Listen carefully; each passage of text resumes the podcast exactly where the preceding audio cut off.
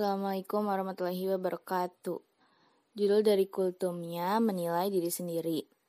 Umumnya kita lebih mudah menilai baik atau buruknya seseorang, tetapi sulit menilai diri sendiri.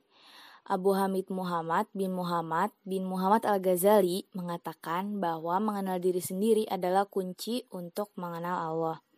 Dan apa yang kita lakukan setiap hari adalah yang menunjukkan siapa diri kita. Ibnu Haz sebagaimana dikutip oleh Buya Hamka dalam bukunya Lembaga Budi, menekankan bahwa seorang muslim harus pandai melihat kekurangan diri agar terhindar dari sikap suka membanggakan diri sendiri. Orang yang diuji jiwanya dengan rasa bangga hendaklah mengambil kesempatan memikirkan aib yang ada pada dirinya.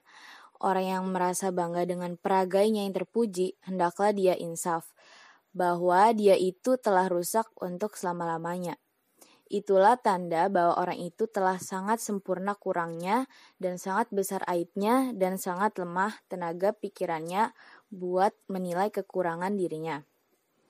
Orang yang berakal adalah orang yang tahu kekurangan dirinya, lalu memperbaikinya. Jika tidak, orang tersebut disebut ahmak, yakni orang yang tidak tahu cacat diri sendiri.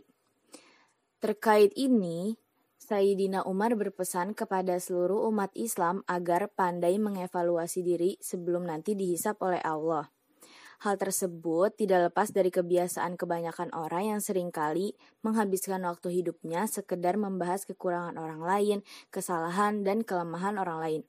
Terlebih jika kekurangan orang yang dibahas dihubungkan dengan kepandaian diri sendiri, kesungguhan diri sendiri dalam melakukan banyak hal, sehingga merasa diri sendiri lebih baik dari siapa pun.